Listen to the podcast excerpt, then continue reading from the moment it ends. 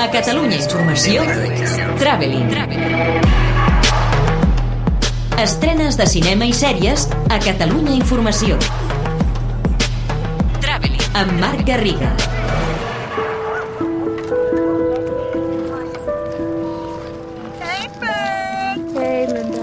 Aquesta setmana arriba per fi la millor pel·lícula del 2020, Nomadland, una opinió personal però compartida pel jurat de Venècia, pels crítics estrangers a Hollywood que li van atorgar el Globus d'Or i pels membres de l'Acadèmia dels Òscar que l'han convertit en favorita en dur-se la gran estatueta daurada.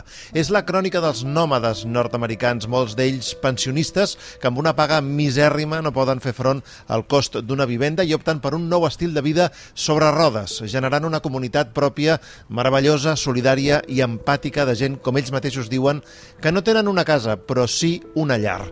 Un prodigi de Chloe Zhao que va camí de convertir-se en la segona dona en endur-se l'Oscar a millor direcció, una cinta colpidora i realista amb una Frances McDormand fabulosa a qui van veure i escoltar telemàticament al Lido venecià. To live mobily Viure com a nòmades té molt a veure amb les diferències socials del nostre país, però no hem intentat fer un manifest polític amb la pel·lícula.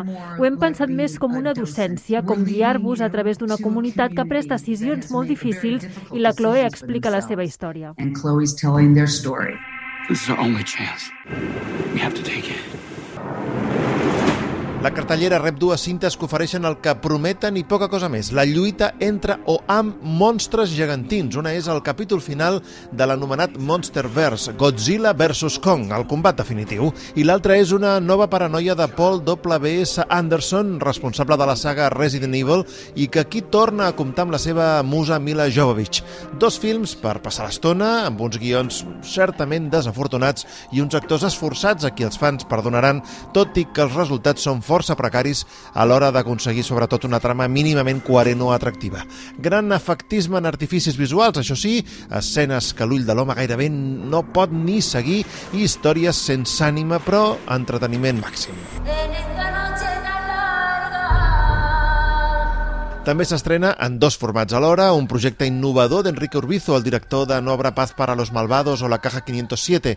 Libertat és una sèrie de Movistar Plus, però alhora també s'ha convertit en una pel·lícula perquè la seva factura quasi perfecta a nivell d'ambientació, fotografia o interpretació així ho reclamava. No podíamos hacer una simple reducción de, o amputación de la serie. El largometraje aprovecha su condición de ser exhibido en pantalla grande para explotar un montón de oportunidades, ¿no? desde las mezclas de sonido, un sentido del ritmo incluso y de la elipsis distinta, contando la misma història, això sí. La sèrie seria el producte més complet i recomanable perquè al film se li han aplicat unes elipsis massa forçades, però és un western hereu de Sergio Leone, per tant, contundent i efectiu, fascinant, amb Bebe i Isaac Ferriz com a caps de cartell impecables. Aquest hotel s'hi han allotjat quatre presidents, dos reis i estem a punt d'acollir el casament del segle. Completen la cartellera una nova aventura de Tom i Jerry, un entreteniment familiar que podria haver aspirat a molt més i que desaprofita una mica uns personatges tan carismàtics, amb una barreja confusa entre animació i personatges reals, la surrealista Un efecto óptico, un altre experiment de Juan Cabestani, una comèdia existencialista amb uns magnífics Carmen Machi o Pepón Nieto, i a Movistar Plus a partir del dia 28 la irregular comèdia La hermana del novio i de lloguer a diverses plataformes la cinta d'acció de sèrie B a l'estil del Dia de la Marmota, Muere otra vez.